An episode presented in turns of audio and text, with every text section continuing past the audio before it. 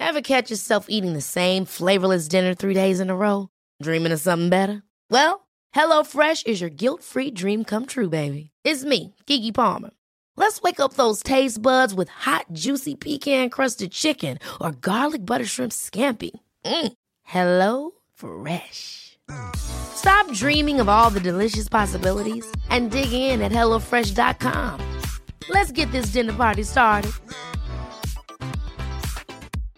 Hey, I'm Ryan Reynolds. At Mint Mobile, we like to do the opposite of what Big Wireless does. They charge you a lot, we charge you a little. So naturally, when they announced they'd be raising their prices due to inflation, we decided to deflate our prices due to not hating you. That's right. We're cutting the price of Mint Unlimited from $30 a month to just $15 a month. Give it a try at mintmobile.com slash switch. $45 upfront for three months plus taxes and fees. Promo rate for new customers for limited time. Unlimited more than 40 gigabytes per month. Slows. Full terms at mintmobile.com.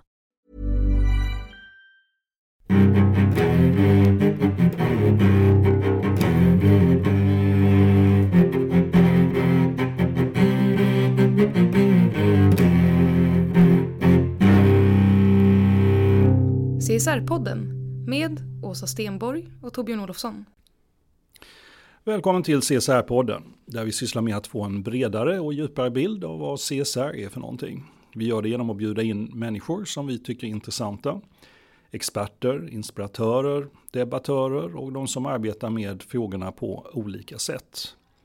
Vi som gör podden heter Torbjörn Olofsson och Åsa Stenborg. Och vår gäst idag är Nina Eklund, programdirektör på Haga-initiativet. Då hälsar vi dig Nina välkommen Tack idag. så mycket! Välkommen. Och eh, jag måste fråga direkt då, vad är Haga-initiativet? Ett företagsnätverk som arbetar med klimatfrågan. Visionen det är ett lönsamt näringsliv utan klimatpåverkan. Så vi försöker flytta fram positionerna både inom näringslivet och i politiken. Och, och eh, vad, vad är skillnaden mellan eh, Haga-initiativet och till exempel näringslivets miljöchefer eller CSR Sweden och de här organisationerna? Alla jobbar väl, tror jag, för samma sak, att eh, på något sätt få en bättre värld. Eh, och också att använda näringslivet och näringslivets samhällsansvar. Det tror jag är likheten, men sen är ju vi organiserade på olika sätt. Och eh, vi är ett litet snabbfotat nätverk kan vi säga, som gör att vi kan hugga på dagsaktuella politiska händelser, driva på näringslivet. Eh, eh och det som vi gör är att vi faktiskt jobbar mycket med VDarna. Det är de som eh, går ut och skriver debattartiklar, de som syns på pressmeddelanden och så vidare. Och det är ju så viktigt. Finns inte frågan på ledningens bord, då händer det ju inte. Så det är ju väldigt viktigt för oss att just ha, ha ledningens engagemang, ledning, VDarna med. Mm. Det tror jag. Och sen är vi ett ganska litet nätverk. Vi, vi har ett maxtak på 18 företag. Och hur många är ni då? 14. Okej. Okay.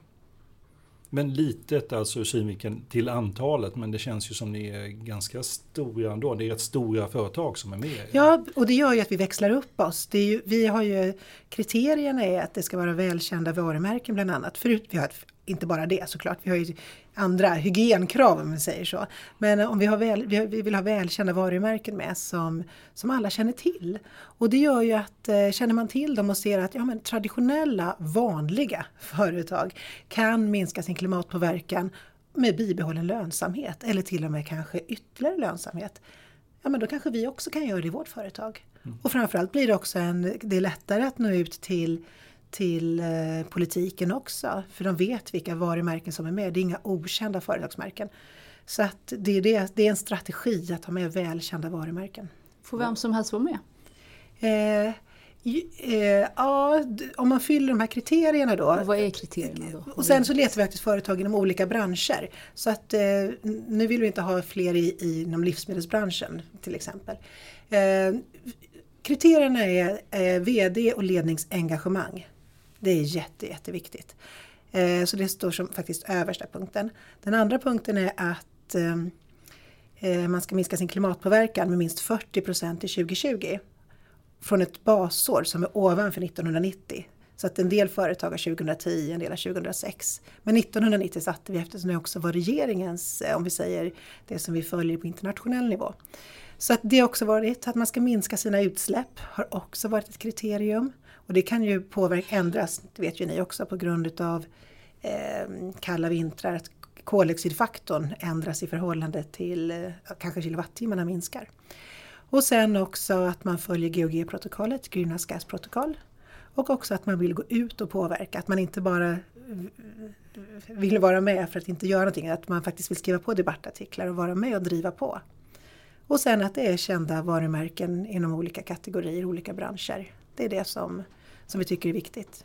Det, nu har jag någon sorts bild av att det är en per bransch. Du säger vi vill inte ha några fler livsmedelsföretag. Ja, ja, Finns och, det någon sorts... Ja, det är verkligen det är en per bransch. Men på livsmedel kan vi säga att där har vi med både Coca-Cola och Löfbergs. Och det är livsmedel båda två om vi säger så. Eller dryck. Eh, så att, eh, vi, men samtidigt har vi sett att är det någonting som verkligen påverkar och går rakt in i magen hos folk så är det ju livsmedelsföretag. För där, mm. där, där känner man med hjärtat på ett helt annat sätt, eller munnen eller vad man ska säga. Så att det har blivit mycket där. Men nu letar vi framförallt inom tung industri, data, eh, kläder eh, och andra områden. Men om Skandia bestämde sig för att man ville gå med, Fick, skulle de få gå med idag? Ja, då skulle vi kolla på kriterierna och de får komma med en ansökan. Så att vi säger inte nej till någon utan vi ber dem komma och så tar vi ställning från fall till fall. Och det kan vara så att vi framöver tar in någon som är liknande konkurrent också för att vi känner att ja, men de här fyller upp en viktig del. De är kanske proaktiva i samhället och så vidare. Men eh, varje företag får givetvis söka och vi, det, det händer löpande att eh, företag söker. Vi hade inte riktigt tänkt den branschen men tagit in den. Eller tvärtom, vi har sagt nej. Och vem, vem är vi då? Är det företagen och du eller ni som... Det är faktiskt vi? företagen som, eh, vi har stadgar som är väldigt tydliga hur vi tar beslut och just i den här frågan så har vi konsensus när det gäller att ta in nya medlemmar. Mm. Så det, vi förbereder, man fyller i en checklista, vi granskar företaget och så kommer man med. En rolig grej, det var faktiskt ett företag som kom med Alltså, och så sa de, fick de nej första gången. Eh, nej men de skulle banne mig vara med, de hade bestämt sig. Så, så ja, men de, här, de här kriterierna måste uppfyllas.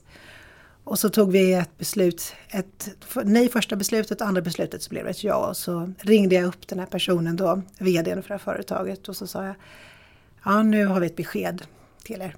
Nej, jag måste stanna. Eh, Okej, okay, nu är jag beredd. Vad är det? Ja, ni kommer med. Åh, det känns som jag vunnit bragdguldet. och det tycker en jag var en härlig känsla. Och då betyder det att man kämpar lite för att, eh, det här företaget gjorde det, för att klara kraven. Och det är precis det vi vill, vi vill flytta fram positionerna. Så det är en taktik ni kör nu mer, att ni säger nej först, och de skärper sig och sen komma igen då? Det är så här, men nu har du avslöjat vår hemliga ja. strategi. Nina-strategin du, Ni har ju företag som är både med hos er och som är med i andra, till exempel Löfbergs är väl mm. med till exempel också Cesar Sweden mm. till exempel. Mm. Är, är det, kan det bli intressekonflikter eller är det bara bra ju fler organisationer man är med i? Den enda intressekonflikten som kan dyka upp som det är att vi lägger ett seminarium på samma dag och det ser inte jag som ett stort problem. Mm. Eh, jag ser det som positivt att man är samhällsengagerad och att man har engagerat sig på flera olika ställen. För det betyder ju att företaget i grunden är engagerat och vill påverka och faktiskt lägger, som jag tycker är fascinerande, tid och pengar. För det är det man lägger. Ett företag som är med i ett nätverk lägger tid och pengar. Prior, därmed prioriterar man frågan i organisationen och sagt att det är viktigt med samhällsansvar. Så att jag tycker att det är ett kvitto på ett stort engagemang. Mm. Är det lönsamt för de här företagen? För det är någonting som finns med i er, grundparoll, att, mm. Eh, att man ska ha med lönsamhetsperspektivet. Ja. Är det lönsamt för de här företagen att vara med? Eh, ja, det, det, det är inte för att man är med i Haga som det är lönsamt utan det är för att man gör arbetet hemma som det är lönsamt. Eh, och vi har ju tagit fram eh, vår lönsamhetsrapport till exempel som vi kom med i maj där vi har gått igenom olika kategorier eh, och eh, jag menar inom område efter område så ser vi att eh, företag, att det är lönsamt. Sen kanske det kan vara lönsamt på längre sikt i vissa fall. Och vissa saker hänger ju, är det ju lågt hängande frukter. Energibesparingar, mm. det är en lågt hängande frukt. Men att varumärket stärks kanske är någonting man får eh, ser en frukt utav längre fram. Eller att man Eh, får in nya kundkategorier och så vidare. Det kan ligga längre fram. Eh, och man ser det. Men de här företagen har ju gjort eh, en bedömning, en strategisk bedömning byggt på den kompetens som finns i företaget att det här är den enda vägen att gå. Och jag tycker att det är så fascinerande när man hör VD och ledning prata och säga att ja, men det, är det, här, Det är den här vägen den här vi måste göra nu. Eh, det finns ingen återvändo. Och det tycker jag är... Det säger ju, och då, måste, då blir det lite både kniven på strupen, att det är lite jobbigt. Vi måste se över vår affärsmodell, vad det är vi håller på med. Eh, vi måste se till att skaffa, tänka igenom. Men sen också så finns det ju ett positivt ben i det hela också. Eh, och det är att eh, det faktiskt går att, eh, att det är positivt och kul att göra det här också. Så jag tycker jag ser, och jag menar, jag skulle faktiskt vilja rekommendera folk att läsa vår lönsamhetsrapport. Jag hoppas, kan du inte fråga mig kan du ställa frågan till mig? Ja. Såhär, vilka... Var ligger den? Ja, inte var ligger men Vilka era... är dina favoritrapporter? Var ligger ja, men de? Precis. det är ungefär så kände jag. jag måste bara och så ställer den frågan. Ja, jag, om jag får formulera frågan till mig själv. Så här, ja, vilka, vi, eh, vilka områden ser ni att det lö, är lönsamma? Får, kan inte ni ställa den vilka frågan? Om, jag förstod inte ens vilka frågan. Vilka områden är lönsamma för näringslivet att jobba med? Mm. Vilka, ska ja, jag? Jag kan, okay. jag kan ja, jag ställer frågan. Eller ska du ställa frågan? Du ja, men vilka områden är det då som är lönsamma för företagen? Jo, men så här. Eh, där man faktiskt både kan se att man minskar klimatpåverkan, det är kostnadsbesparingar och det här kan ge ökade intäkter också. Och då har vi sett när vi tittat på internationella rapporter, tack för att du ställde frågan förresten, mm, ja. eh, Eh, när vi tittar på internationella rapporter eh, så, och forskningsstudier och så vidare så har vi lagt in dem inom olika kategorier. Så har vi studerat ett 30-tal rapporter som alla visar att det är lönsamt inom olika områden. Och de här områdena, och så har vi tittat på företagen i Haga och andra företag också och sett, kan vi klicka in dem på något av de områdena? Som till exempel när man arbetar med klimatfrågan och, och tittar här om det är lönsamt. Då är förstärkt varumärke, varumärke och ökad kundlojalitet en kategori. En annan kategori är kostnadsbesparing. En tredje attraktivare arbetsgivare. 80-talisterna vill inte jobba med vem som helst. Nya produkter och nya affärsområden. Proaktiv riskhantering. Och det förstår vi alla, det kan vi bara se klimatfrågan från den här sommaren. Och förbättrade finansieringsmöjligheter. Inom alla de kategorierna så kan vi faktiskt se att man på ett eller annat sätt kan minska kostnader eller spara pengar hur och det gynnar klimatet. Hur förbättrade finansieringsmöjligheter? Alla de andra var jag helt med på. Ja.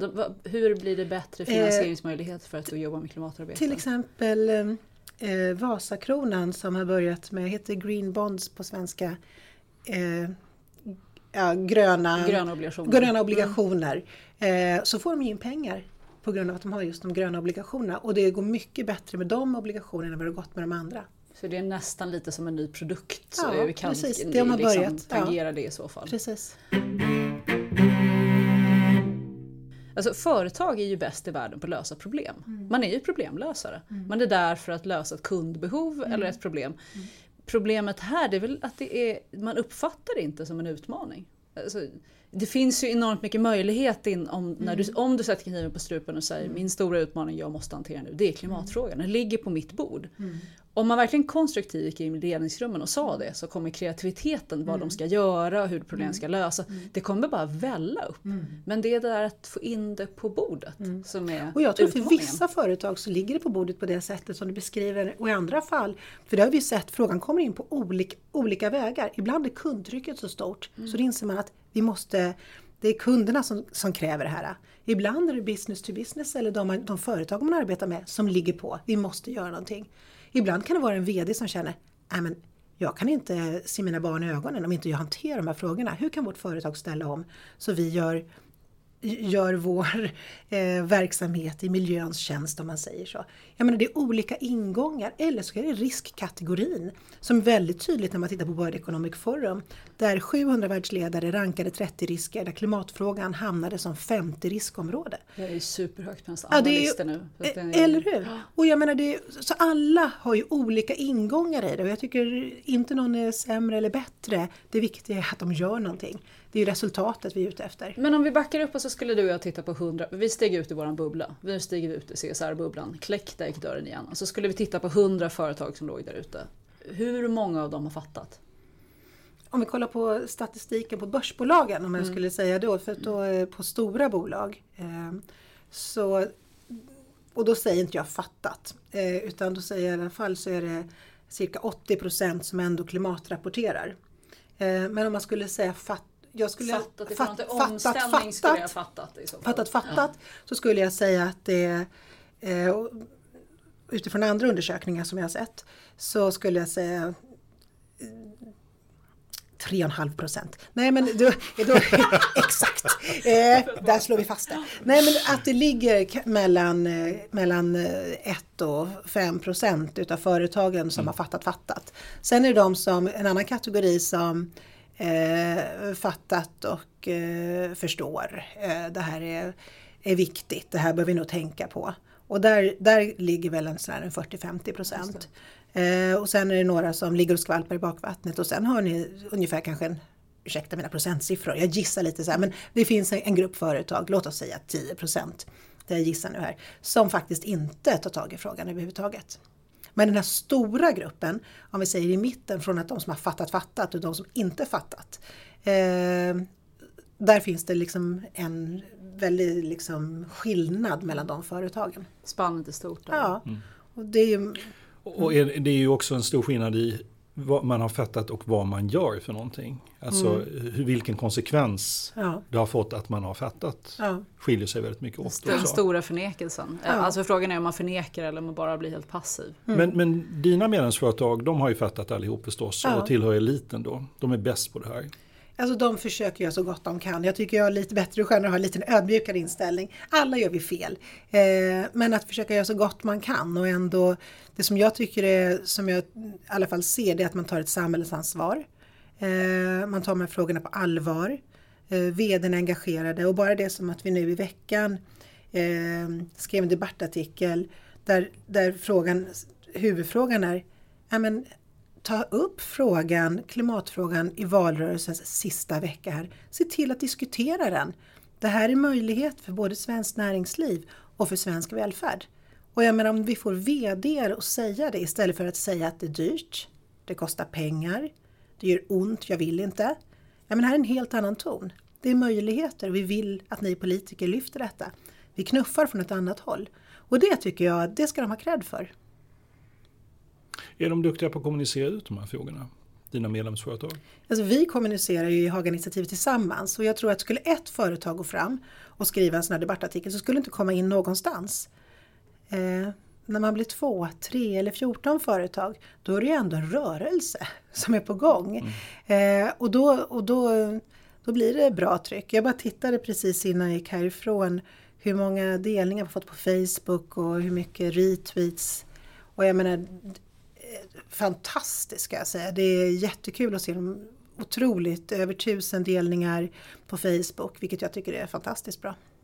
Det, du är ju liksom, ni är ju, ni som driver Haga-initiativet, ni är ju proffskommunikatörer. Du är ju superduktig på det. Du förekommer på scen och du är medveten. Den första frågan du ställde till mig när jag ringde och värvde dig, det var hur ska ni få ut den podden? Och det var, liksom, det var så symptomatiskt för dig, det är ingen annan som ställt den frågan. Så, så det är ju liksom lite på, på, det är ju där, det är det ni levererar också väldigt mycket. Men finns det annat ni levererar bakom det där? För, för det tror jag är en stor del av det. Mm.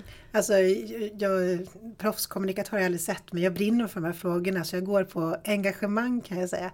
Men sen är det ju, eh, jag kan säga att mycket av det vi gör i Haga, det, det, vi, det är det, jag är väldigt tacksam för att vilda idéer får utrymme. Eh, och vi har faktiskt satt vår budget så att eh, vi gör ett antal saker, och, eller vår verksamhetsplan. Vi gör ett antal saker som vi bestämmer år, liksom, ett, liksom några månader innan, det här ska vi göra nästa år. Sen har vi en pott fria medel om vi säger så, där vi får använda kreativitet och entusiasm och haka på roliga initiativ. Och det är det som jag tror, ska man lyckas och kommunicera så måste man kunna vara flexibel också. Och det är det som jag tror lite av de här roligaste sakerna, vilket också har varit de som har synts mest, är sådana så spontana initiativ vi har gjort. Men allting vi gör, kan jag säga det mesta, bygger ju oftast på en rapport. Sen eh, utav, utav det vi gör, som det här med lönsamhetsrapporten som jag nu nämnde, som jag blev så glad att jag fick frågor om. Mm. Eh, det bygger på en rapport som, som, eh, som en student satt och arbetade med hos oss. Sen har vi också gjort en intervjuundersökning med alla ekonomisk-politiska talespersonerna. Ja, men det bygger ju på att vi faktiskt suttit i intervju med alla ekonomisk-politiska talespersonerna, skrivit ihop det manuset, bollat med dem för att kolla att allting var rätt och sen skrivit ihop en, en rapport. Allting bygger på ett arbete. Klimatbokslutet mm. som vi kommer ut med årligen, den jobbar med i flera månader. Inte företagen sitter inte och sliter sitt hår, men det tar en lång tid att få ihop 14 företag, få ihop alla bilderna, få ihop alla texterna, göra alla beräkningarna, stämma av fram och tillbaka. Det tar tid allting. Och när vi väl har gjort det, det är då vi kan gå ut och då kan vi vara ganska säkra på att ja, men, det här blev rätt.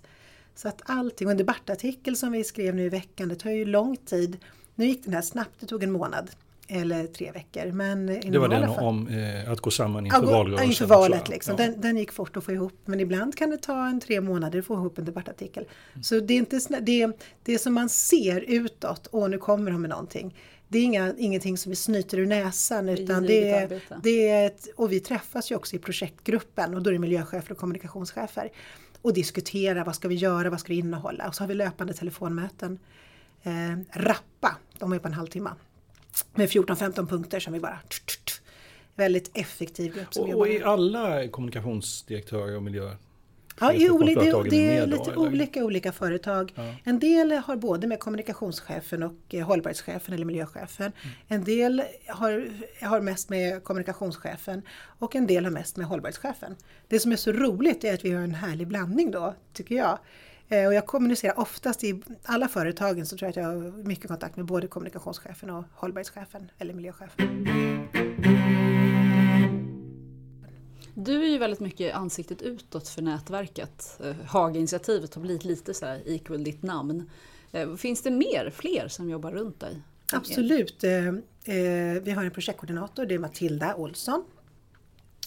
Och sen så är det ju vill verkligen poängtera det att det, finns ju massor med folk som, som jobbar med klimatberäkningar, PR eller, ja, och och marknads, man säger, ta fram material och så.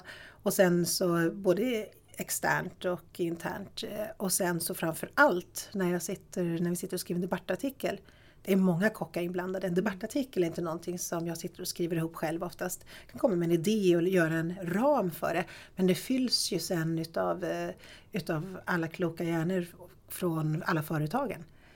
Och vi är många som, som bollar det fram och tillbaka. Och hur kom det sig att du blev programdirektör? Som du så fint, det är väl det, din fina titel? Ja precis. Eh, vad ska man kalla sig? Eh, jag vet inte. Det, Va? Ja, skulle jag ha blivit det? Nu känner jag, du får inte, får inte janta här nu. Eh, eh, nej men det var för att jag var bäst. Eh, ja men då så. då så kan vi stänga den lådan. Nej men jag tror att... Eh, Vad var din bana in i den? Ja, men, vi råkade ja, ja, men det, in det en bättre fråga tack. Mm, ja. Ehm, jag, när man driver nätverk så tror jag att det är bra om man har erfarenhet från olika delar av samhället. Och jag har ju varit politiker bland annat och både jobbat som politisk tjänsteman och politiker. Så jag kan ju, jag vet ju hur politiken funkar både på nationell nivå, regional och lokal nivå eftersom jag varit på alla nivåerna. Jag har också jobbat på myndighet. Eh, så att jag kan också myndighet, Vilken myndighet? Naturvårdsverket. Ja. Eh, så där har jag varit i några år också. Och jag har också jobbat på en annan myndighet och det är en lokal myndighet och det är Stockholms miljöförvaltning där jag jobbar med klimatfrågor Eh, och jag har varit en kort sväng på en miljöorganisation och det var Greenpeace. Eh, fick lite in, in, känsla in där en sommar. Eh, jag har också varit i kan man säga, forskningsvärlden där jag jobbade med Mattias Klum och Johan Rockström. Förra året eh, på Stockholm Resilience Center så fick jag lite känsla för hur det jobbade. Och just att kunna varit på flera, eller fördelen av att ha varit på olika ställen, framförallt min erfarenhet från politiken, gör ju att man känner väldigt mycket människor man vet ungefär hur mottagaren förväntar sig. Ah, men om jag säger så här så förstår jag hur den här tjänstemannen kanske skulle kunna motta det. Språket är ju viktigt. Eller om jag uttrycker mig så här så kanske politiken kan uppfatta det på det här sättet. Och just att ha en förståelse för hur den som står på andra sidan eh, tänker när de hör vårt budskap. Det tror jag har varit eh, en positiv ingång. Mm, intressant. Och det är ju inte så himla vanligt att man är så bred. De flesta, alltså, i samhället uppmuntrar någon sorts djup. Men Ja. då har du hoppat liksom. Ja, fast jag har ju ändå varit, hunnit bli djup inom vissa områden eftersom jag var åtta år på miljöförvaltningen i Stockholm och ändå tre år på Naturvårdsverket och politik hållit på med ja, 15-20 år nästan. Men du, nu jag är drivs- inte 100 år. Nej, nej det kan vi, det kan vi hålla med ibland kan jag bara känna när jag säger Ja. vad jag har gjort, mina kollegor brukar tracka mig ibland. Så, så när jag säger, ja men det, där har jag jobbat eller det har jag gjort eller den känner jag. Så blir det lite så här bara, nej men alltså, ibland känner jag att jag låter ju som att jag är 100 år. Men, men det här blir ju att du har gjort flera av de här sakerna parallellt. Ja. Misstänker jag, annars går det inte ihop. Det Ja, är men ungefär precis. som ungdomars medievanor. Ja. Om man slår ihop det så blir det mer Ja. än 100 procent. Ja. Så man måste göra saker Ja. parallellt. Liksom. Och då är du, politiken, har, är du fortfarande politiskt aktiv? Inte, jag lämnade för fem år sedan. Mm. Så jag har inget... Blev du eh, osams? Eh, Ehm, ja, gör man en Google-sökning där så, så hittar man lite härliga saker. Eh, men jag lämnade politiken, jag kände att vi gick åt olika håll. Eh, jag eh, jobbade mycket ihop med Anders Wikman, jag satt i Kristdemokraternas partistyrelse, Anders Wikman satt i EU-parlamentet. Och så var det en annan kille som heter Sven Gunnar som satt i miljö och jordbruksutskottet. Och vi tre jobbade mycket med klimat och miljöfrågor och skrev rapporter och sådär. Eh, men eh, jag kände till sist att eh, det var svårt att få gehör för de frågorna som jag tyckte var viktigt. Så var det en fråga till som jag faktiskt har gått ut i. Så att går man ut och, och kikar på, på en Google-sökning så ser man också att jag gick faktiskt ut och tyckte att, eh, att alla människor borde kunna få gifta sig oavsett kön. Eh, och då fick jag genast frågan, är du själv lesbisk? Nej men det är jag inte men jag tycker att man kan driva de frågorna. Jag tyckte att det var väldigt märkligt att partiet var så, sådana motståndare till det då. Sen har man ju ändrat sig senare. Har man gjort det? Så att nu upplever att det finns en annan Jag, inställning jag, till frågorna jag, jag, idag? jag, jag tror att det finns en annan inställning. Men eh, jag kände just då när jag drev det så, eh, och lyfte upp frågan så, så, var det knä, så fick jag inte så mycket förståelse för det just då. Just nu så känner jag mig politiskt neutral som jag kan känna och säger inte vad jag- vad jag röstar på och sådär och eh, känner att jag har goda, vilket har varit viktigt, goda ingångar om man säger så. Eh, eller Haga skulle jag vilja säga, har många vänner i, inom politiken från olika partier. Vilket vi är jätteglada för. Många som lyfter fram oss som ett gott exempel. Och den, de du inte, när du hade din hundraårskavalkad här, som blev förklarad då. Har du inte jobbat? Ja exakt, nej men det som du faktiskt inte nämnde var företag. Alltså du nämnde väldigt många inom, inom Mm. myndighet och inom, men du har inte... Du, och då tänker jag, nu jobbar du Ja, ja. exklusivt med Ja men företag. vet du, jag, jag, jag fick faktiskt frågan, det var så att eh, jag bytte jobb tack vare Ebba Lindsö som förut var VD på Svenskt Näringsliv och TT och så vidare. Eh, som, som jag träffade på och hon sa, men ska inte du och jag jobba ihop? Och då jobbade hon på precis på Gott till Respekt som är ett konsultföretag som jobbar med klimat och miljöfrågor. Så då gick jag dit och jobbade med ett företagsnätverk som heter BLIC, eh, Business Leaders Initiative on Climate Change. Eh, och eh, tillsammans med henne. Och hur har det varit att halka in och jobba med företag? Vad är, vad är typiskt och särdrag? För du har ju ändå rört dig mellan de här sektorerna. Mm. Så vad skulle vara distinkt och typiskt med att jobba med företag? Snabbfotat och eh, det som jag inte trodde fanns, min fördom när jag stod i det andra diket, ett stort engagemang. Det så här samhällsansvaret, det är liksom jag blev så här positivt överraskad faktiskt över att, eh, över att jag såg att det fanns ett stort engagemang. Det kan jag säga, men snabbfotad. Och jag, är ju, jag tycker inte om att dra saker och ting i långbänk och vänta för länge. Så mig passar det väldigt bra att, eh, att jag vet hur gången ser ut, att eh, det kan komma ett beslut ganska snabbt. Eh, och att eh, sen också när man, och också väldigt mycket kreativa härliga personer, lösningsinriktade. Det är ingenting som sitter fast.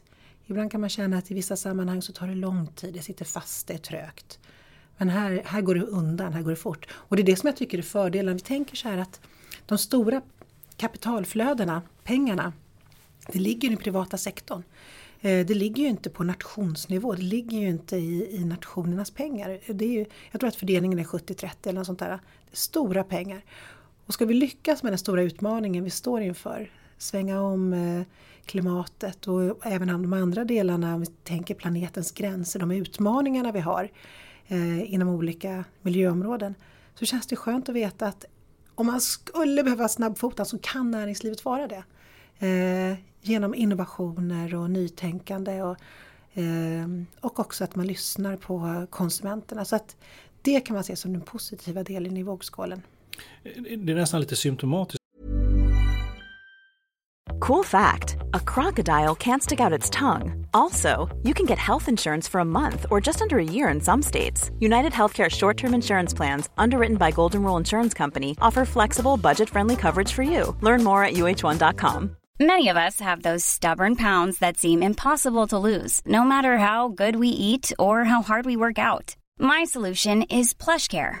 PlushCare is a leading telehealth provider with doctors who are there for you day and night to partner with you in your weight loss journey. They can prescribe FDA-approved weight loss medications like Wagovi and Zepbound for those who qualify. Plus, they accept most insurance plans. To get started, visit plushcare.com slash weight loss. That's plushcare.com slash weight loss. Ever catch yourself eating the same flavorless dinner three days in a row?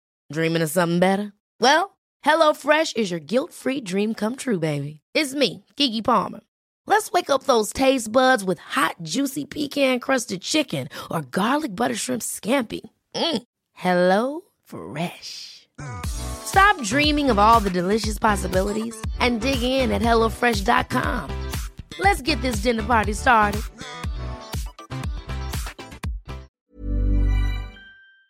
Så att du lämnar politiken för fem år sedan, mm. säger du. Och nu jobbar du med företagen och det är där det finns energi, det är där det är snabbfotat, det är där mm. det finns beslutskraft. Mm. Det finns kanske inte kvar längre i politiken, eller? Alltså det beror på vilken nivå man är på. Jag kan väl känna när jag jobbade i regeringen att, jag, att man, när man är med där besluten tas, eh, att, man, eh, att, att man kan faktiskt se en förändring beroende på var man är i den politiska organisationen. Men sen ser man ju att vi eh, måste, måste, vi måste tänka in EU när vi jobbar med frågorna. Vi måste ta hänsyn till andra sektorer och så vidare. Och det, mm, vi ser ju vi som står utanför och eh, ser att det finns mycket kvar att göra i politiken, vi kan ju tycka, nu när jag ställer mig utanför, att det tar lång tid. Men ibland när man är i politiken kan man känna att men det här gick ju fort. Det tog ju ändå bara två år. Det som jag tycker jag saknat allra, allra mest, det är att någon har gett oss berättelsen om hur Sverige ska klara just klimat och miljöutmaningen framöver. Visionen, idén. Hur ser samhället ut här borta? om 20-30 år. Ingen har gett mig den bilden. Är det, politiker ger inte dig den bilden eller är det så att vi lever i ett, ett visionslös period? Är det ett ledarskapssyndrom som vi ser eller? Bra fråga. Jag vet inte om det är... Jag tycker inte att man kan prata om att det är visionslöst för jag tror att är det någonting vi människor alltid behöver så är det drömmen om hur samhället ska se ut. Vad är det för samhälle som politikerna vill ha? När vi istället fastnar i diskussioner om, eh, om procentsiffror, om du sa det när du sa det. Istället för att bara ta ledarskap och berätta att ja, men jag vill att samhället ska se ut så här. Måla upp vad är det för samhälle låt mig rösta på den som kan måla upp det samhället och tydliggöra åtgärder på väg mot det samhället. Och det, det kan jag ty tycka att det har blivit så otroligt ytligt om man får säga så.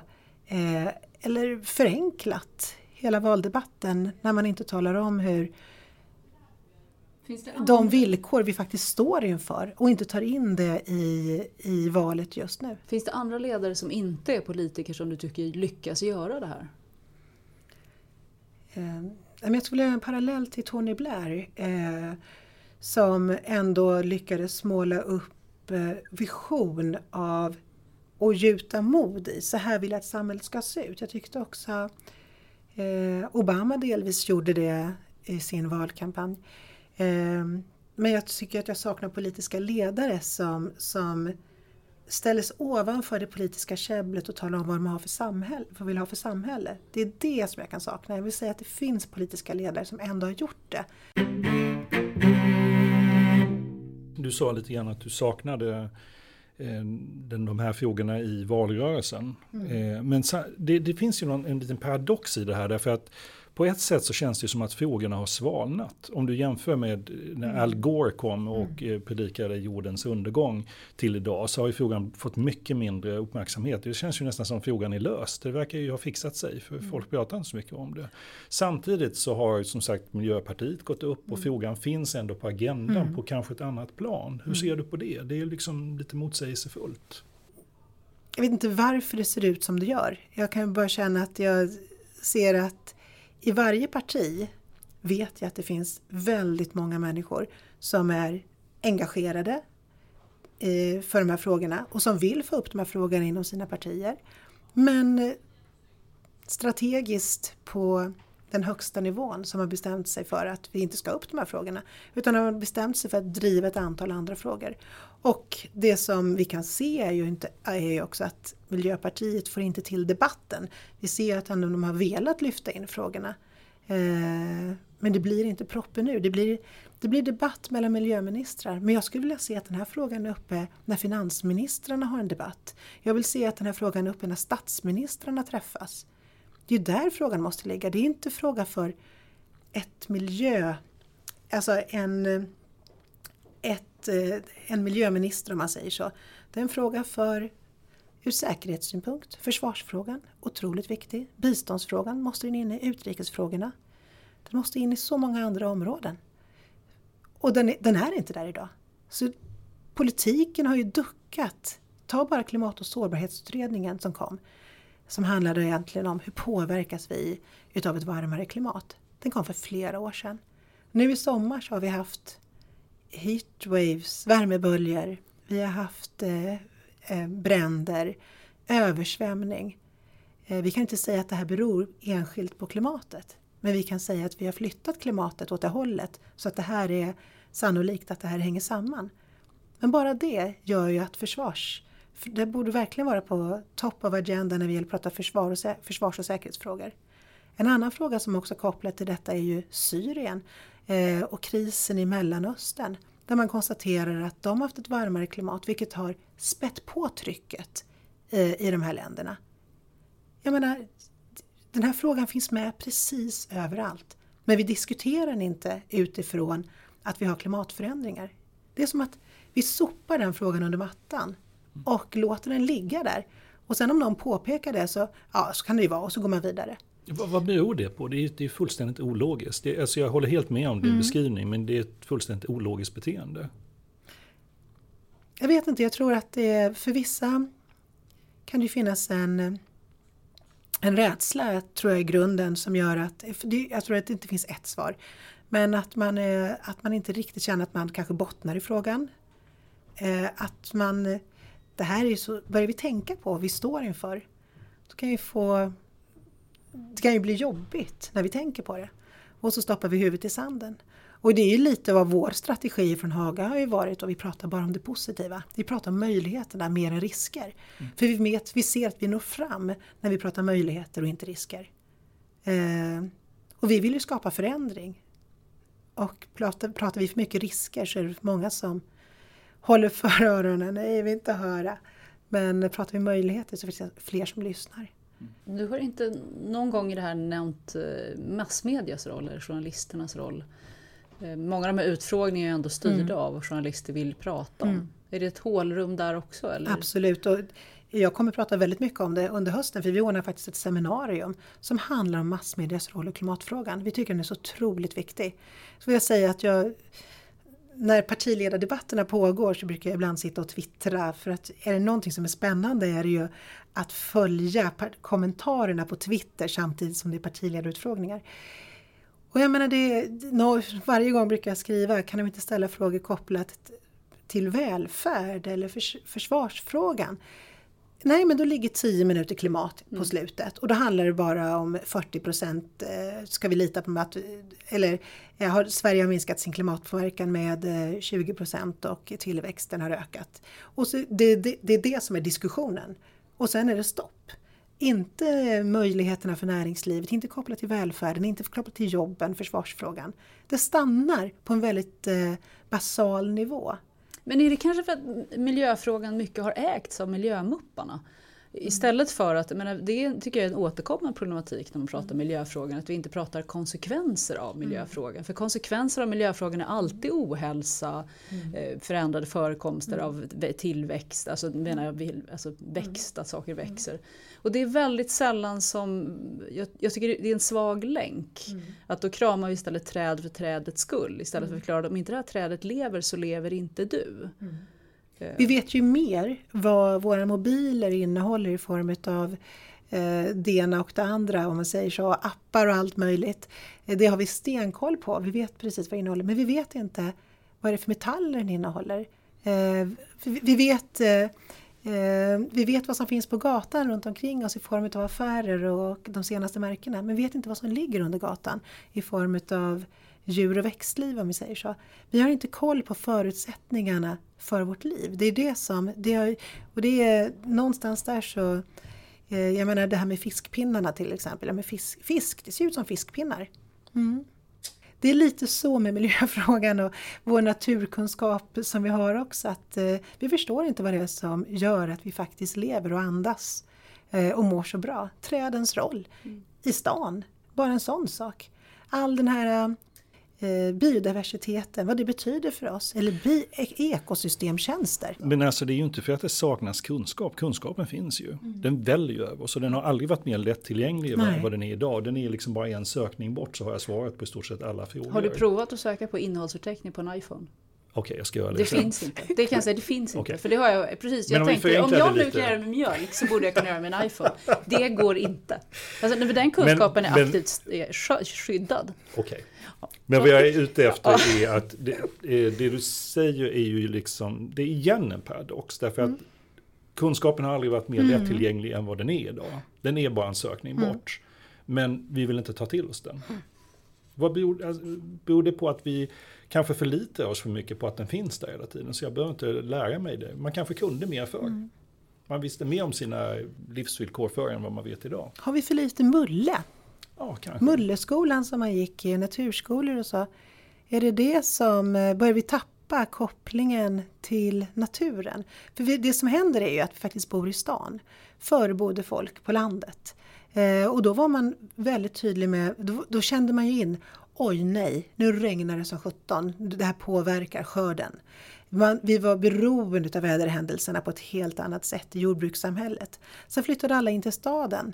Eh, och jag tror att det hänger samman. Då tänker jag, oj nu regnade det, då kommer inte bussen att gå. Istället. Ja, det är exakt. Inte hur det påverkar livsbetingelserna naturen runt omkring oss. Och det är ju så att, ska vi titta på trenden så kommer ju fler människor att bo i städer framöver. Det är ju det som är, det är ju det som, så ser utvecklingen ut. Betyder det då att vi kommer tappa mer utav mer naturkänslan? Och hur i så fall får vi tillbaka den när vi bor i städer och det som jag kan tycka som en motrörelse till detta är ju eh, eh, stadsodlingen som har kommit. Eh, som en liten mottrend faktiskt till, till detta. Men samtidigt finns det inte risk att det där blir romantiserad bild. För alltså nu, jag som har ett hus på landet, det finns ingen så äcklig skrothög som bonden la upp för 20-30 år sedan. För han sket i kretsloppet. Och han dumpade vad han ville dumpa. Jag, jag alltså, så att man har, även när du levde i naturen mm. så hade det, det handlar ju om att även om du lever i naturen och förstår effekten av din skörd så förstår du inte effekten av ditt kretslopp. Nej, men jag tror att värderingen, om man säger så, den här förståelsen, naturkänslan, det var den jag var ute efter. Sen ser jag ju att det, det inte alls var bättre förr och så. Det är inte någon, någon Eh, någon sån bild jag vill ge utan jag kan ju bara se att förståelsen för naturens betingelser tror jag var mer självklara eh, förr än vad det, och att vi förstod vad det är som påverkar oss. När jag säger Cesar till dig, vad, vad, är det, vad skulle du lägga i den termen? Att det sköttes på tredje våningen förut men nu har det åkt upp till åttan, ledningens nivå. Ja just det, sitter ledningen på åttan eller sitter den på tolvan? Jag blev lite osäker där. Det var lite så jag tänkte lite snabbt här. Mm. Att frågan är mycket mer integrerad nu i hela företaget skulle jag vilja säga. Ute, när du ställer frågan mm. lite smalt till mig då som tänker företaget plötsligt. Eh, så tänker jag nog att eh, frågan är mycket mer integrerad nu och att eh, det går bättre om den integreras än om den hålls på våning tre med bara de som jobbar med miljöfrågor. Men, men du ser CSR-frågan huvudsakligen som en miljöfråga eller? Det är miljö och socialt men vi jobbar ju med miljöbenet. Mm. Eh, men det finns så mycket att göra men det finns andra som gör det bättre på det sociala området, absolut. Eh, Men ni har specialiserat er på Ja, miljö? Ja, och jag tror att gapar man efter mycket tänkte jag säga, tar man för stort grepp eh, så, så tappar man sin spets. Och det som vi är duktiga på är klimat eh, slash utblick miljö om man säger så.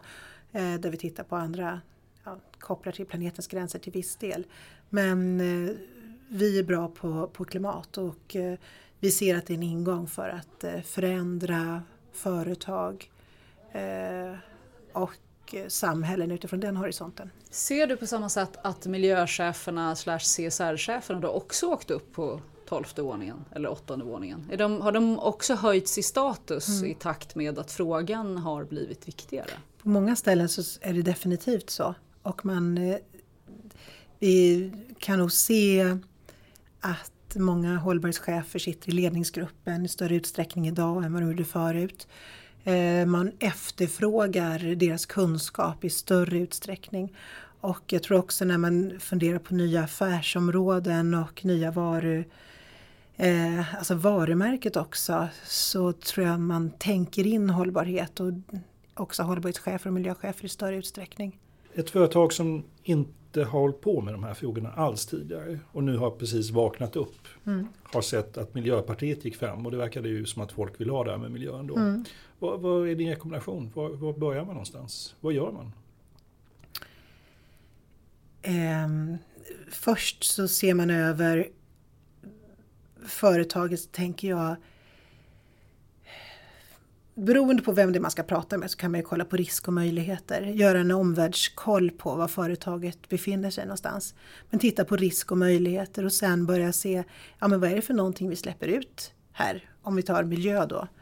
Eh, och skanna av och göra, en, eh, göra ett eh, det här, det, här är, det här är vårt ekologiska fotavtryck om vi säger så. Men det här påverkar vi med från vårt... För det är det som är en av riskerna för företaget. Och sen så tror jag att man sätter igång med snurran med att sätta mål, åtgärder, se till att någon är ansvarig och så vidare. Ehm, och sen tycker jag en viktig del i det man håller på med, som vi jobbar mycket med, det är att kommunicera vad man gör. Om när man väl blir framgångsrik. För att berättar man inte vad man gör, då händer det inte. Och det är det som vi kan se också att många företag har varit rädda för att berätta att de är duktiga. Vi gör det här och det här. Och det är för att nej, men vi vill inte berätta om det här för då kanske vi får kritik på det här området som vi inte har gjort någonting på. Och det kan Men- ju vara ett problem. Det är en aspekt, men det finns en annan aspekt som är lite jantekopplad också. Det är att, att vi berättar inte om det här för då tror folk att vi är märkvärdiga när vi berättar det. Det är så bättre att vi, Swedish. vi gör det lite i smyg här borta och är duktiga men vi, vi säger inget om det. Nej. Men är det där sant längre? Men är ni kommunikatörer? Så här. Jag, Nej, men jag, för det- jag tyckte tycker nog att det är sant. var Jag stöter på det hela tiden. Att man är tveksam till om man verkligen ska gå ut och berätta och om det kan missuppfattas. Jag tycker nog att det är sant fortfarande. Jag tänker att vi alla har en jante hängande över axeln. Jo men det kan jag köpa, men samtidigt tycker jag att det- nu finns det företag som väldigt länge har stått på arenan och varit väldigt tydligt profilerade och har- slagit hår på ballongen om att man måste få tjäna pengar på hållbarhetsfrågan och man jobbar med hållbarhetsredovisningar, det är standardiserat. Så alltså, det har ju tryckts, det är fler, arenan är mycket, mycket större än vad det var tidigare. Eh, Så varför skulle någon tveka nu? Och jag menar de som mediagranskas idag, de får ju göra sådana dumheter så att det sprängs. Det är ju inte, Men det finns, det finns ett antal företag som definitivt sticker ut och där de har slängt jante i bäcken. Liksom. Det kan man ju definitivt hålla med om. Men sen finns det väldigt, väldigt många företag som inte vågar gå ut. Jag, jag tänker, du jobbar ju med väldigt olika, distinkt också, eller tydligt profilerar ni er och jobbar i olika branscher. Alltså ni väljer just företag från olika branscher. Och jag kan uppleva ibland att ibland kan det finnas branscher som har kommit längre och de som har kommit kortare. Och vilka skulle du säga var liksom, ligger på extremerna i änden av, av branscher? Det finns ju företag som jag tycker är ledare inom, inom sina områden.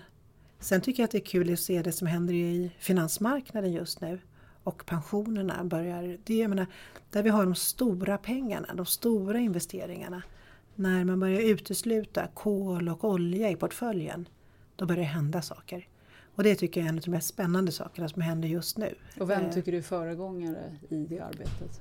Nej, men det skulle jag säga. Det, jag, jag ser eh, Folksam, SPP och det finns, finns säkert flera på, i alla fall på när det gäller pensioner och försäkring som jag tycker gör ett fantastiskt... De har ju aktivt båda bestämt sig eh, och ta bort kolet och oljan var för sig om man säger så. Jag tror att det är kolet eh, Folksam och oljan SPP. Så att det, och det är ju ett väldigt tydligt ställningstagande eh, när man jobbar på det sättet. Eh, sen är ju nu pågår också diskussionen om, om AP-fonderna och eh, där man också ser att några utav dem, jag tror att det var fyran som var ute nu och krävde att vi måste se över våra portföljer och kolla hur vi, vilka som är de stora koldioxidbovarna.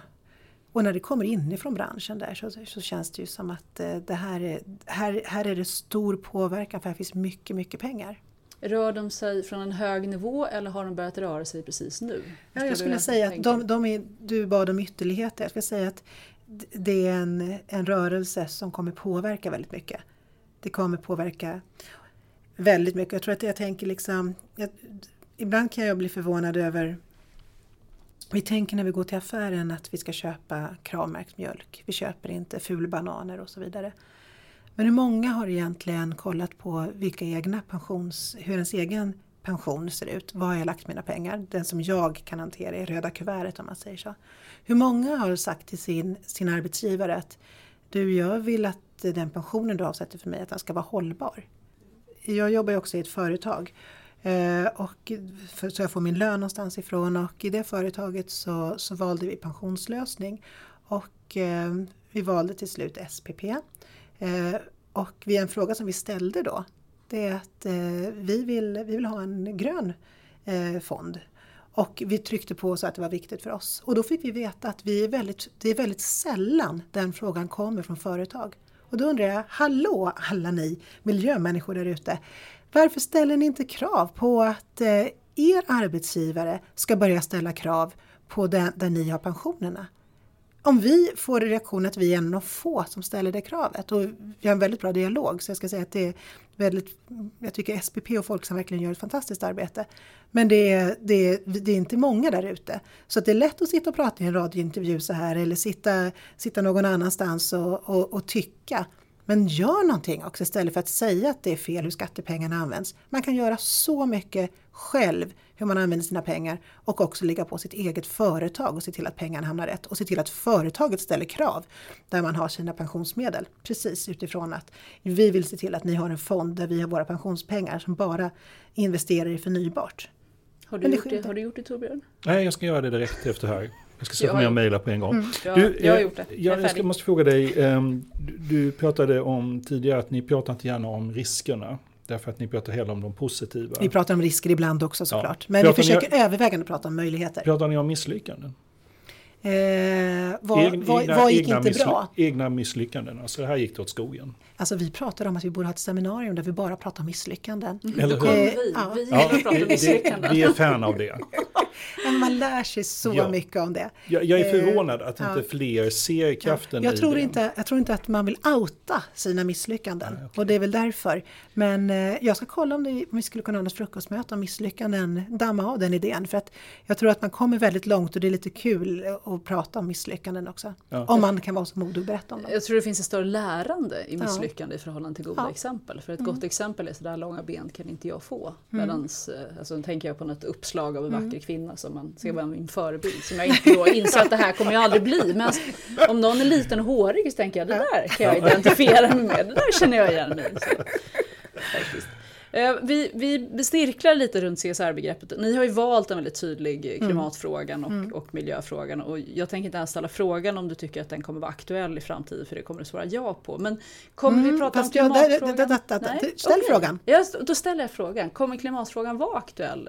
Hur länge till? Hur länge mm. finns ni? Nej, men jag tror att klimatfrågan kommer vara aktuell lång tid framöver för att vi ser att det finns så mycket kvar att göra. Jag sa men ju att du skulle tror, så. Men, det var det jag ville lägga in mitt men. Men jag tror att den ensidiga fokuseringen fokuseringen på bara klimatfrågan funkar inte. Man måste ha utblick mot de andra planetära gränserna. För att om man inte har ett systemperspektiv, för det handlar om att klimat i ett systemperspektiv annars kommer man misslyckas. Så det är någonting som vi kommer jobba mycket mer med och som vi också, som vi också tagit in faktiskt som beslut att vi ska jobba med klimat eh, och koppla det till de andra områdena, det vill säga i ett systemperspektiv. Jätteviktigt. Så hur, hur kommer ni prata om, hur tror du vi pratar om klimatfrågan om fem år? Alltså jag tror att man hela tiden, eh, ja men eh, om ni nu gör den här eh, satsningen där ni nu har biobränsle, ja, hur kommer det påverka det landet som ni tar biobränslet ifrån? Hur påverkar den biologiska mångfalden? Vilka ekosystemtjänster kommer försvinna? Eh, lägger ni kemikalier i det här också? Ja, men hur kommer det påverka närområdet? Alltså hela tiden att man följer upp, kanske med en checklista där man faktiskt stämmer av. Folk, jag hoppas att, att man är mer medveten om konsekvenserna. Hur länge till är du fröken Haginitiativ? Fru Haginitiativ? Är du fru fröken Haginitiativ? Eller har man varit gift och sen skild så är man väl fru fortfarande ja, fru. tror jag. Jag tror en viss eh, ålder blir man fru okay. också. Eh, en, nej men jag gör det som jag tycker är kul. Eh, och så länge företagen tycker att jag gör ett bra jobb. Jag, hur, hur, vad, vad, vill du vara sen? Har du någon sorts idé? Vad är din vision? För vi pratar om visioner om framtiden. Nej men jag kan ju ha en personlig och en arbetsmässig vision. Eh, så. Eh, och vilka är de då? Ja, Självklar eh, nej men min, eh, min arbetsmässiga vision är ju någonstans att eh, vara med och påverka så att eh, näringslivet tar större kliv i de här frågorna. den dagen Svenskt Näringsliv sätter klimat och miljöfrågorna högst upp på sin agenda och ser att en omställning gynnar vår välfärd, det gynnar företagen, då känner jag att vi är ganska utagerade. Så att det är väl på, på, på arbetssidan och privat så pratar min son ju om att vad fantastiskt det skulle vara att ha några hästar och en hästgård och kanske köra lite cowboyridning. Det är ju liksom, och några hundar. Det är ju liksom någon annan dröm som, som ligger där. I framtiden? Någonstans. I framtiden. Och jag ska faktiskt jag ska loopa tillbaka, vi brukar avsluta här ungefär, men jag loopar tillbaka ändå och frågar. Du har kommit tillbaka till att ha det i sitt hjärta och sitt engagemang. Var har du fått ditt engagemang ifrån? När du ska bli sommarpratare om eh, tre år mm. eh, och du får göra din sommardebut och prata en timme om ditt liv. Hur ska du förklara ditt engagemang? Jag har nog ett väldigt så här underifrån perspektiv. Eh, fosterbarn, blev svensk medborgare när jag var 19 Eh, mina föräldrar som jag, som jag har bott hos och som är mina föräldrar om man säger så. Eh, fosterföräldrar heter det. Eh, mamma var smyg-wwf-are och pappa var skrotsamlare. Fast inte på riktigt liksom. Han var skrotsamlare, så vi hade sju, åtta cyklar. Och så lagade han då två cyklar utifrån de andra cyklarna. Det slängdes inte en penal, för det kan vara bra att ha, som man sa på småländska, det kan inte jag härma då. Eh, så att jag är uppvuxen med de här, de här smygvärderingarna som har krypit på mig. Och hela tiden har jag känt att eh, det har varit viktigt att, ja men vad vill du Nina, vad är viktigt för dig? Och jag har liksom dels fått det här eh, skrotsamlaren och eh, smyg-VVFan som har, alltså mamma gömde tidningarna. Eh, som, eh, jag vet inte varför. Eh, som, som, har, som har liksom påverkat mig och sen så har vi liksom haft eh, nära tillgång till naturen och eh, eh, jag tror att det var det som någon grund lades där för länge, länge sedan. Jag mår bra när jag sitter och tittar ut över havet eller när jag är i skogen. Eh, och det går ganska snabbt för mig i vanliga fall så att jag märker hur bra jag mår utav en, av en god natur. Sådär grundläggande. Och sen när man får barn så påverkas påverkas man och ser att ja, men är den här jorden, ju mer kunskap man får, är den här jorden vi ska lämna efter oss. Och jag kan ju säga, jag var ganska usel i skolan. Hade, hade usla, usla betyg. Jag smet iväg till stallet istället. Eh, och tyckte att det var viktigare att vara där. Men sen så sa mina föräldrar, men Nina du kanske ska bli barn, jobba med barn eller på Konsum eller någonting, det passar ju dig. Eh, och så jag ska läsa, jag ska läsa miljövård på universitetet. Ja, va? Så läsa på universitetet. Och det har inte mina föräldrar gjort, så det var ju ganska naturligt. Eh, och så läste jag och bara insåg att det här var ju viktigt. Och jag fick VG tror jag på något av områdena. Och kom hem och mina föräldrar var lite lätt förvånade över att eh, den här tjejen som inte tycker om att läsa tyckte det här var så viktigt. Så jag fick med mig någonting där ganska tidigt i 20-årsåldern som jag tyckte var viktigt. Och också tidigare i barndomen. Så det är det som har påverkat mig, det ligger kvar där. Fantastiskt eh, universitetet att få den kunskapen direkt där. Den, den gav en ram till det som jag hade upplevt i min barndom tror jag. Jag fick andra ord på min pappa som var skrotsamlare då och mamma som var smyg-VVF-are. Systemperspektivet. Mm. Vad vackert. Mycket fint. Tack jättemycket för att du kom. Tack själva, vilka bra frågor. Det var ett nöje.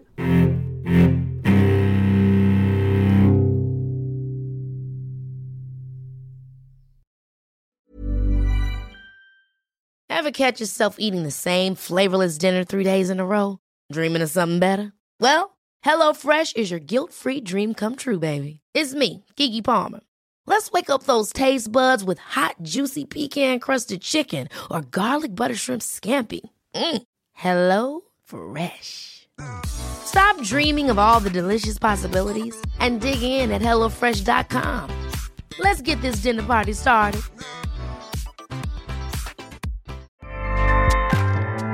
ACAST powers the world's best podcasts. Here's a show that we recommend. Are you a reality TV junkie? Do you ever think, dang, I wish I had someone to talk to about all the trash TV that I watch? Well, look no further, garbage lover, because Reality Gaze is a podcast for you. Hello, I'm Maddie. And I'm Poodle, and we're the Reality Gaze. We talk about all your favorite unscripted shows like The Golden Bachelor, Love is Blind, and TLC's big, messy behemoth 90 Day Fiancé. And if you're driving to work, folding laundry, or just pretending to listen to your husband talk about sports, just put on the pod, and you've instantly got two gay besties spilling all the tea and reading these people for filth. So come at us, y'all. Find Reality Gaze wherever you listen to podcasts.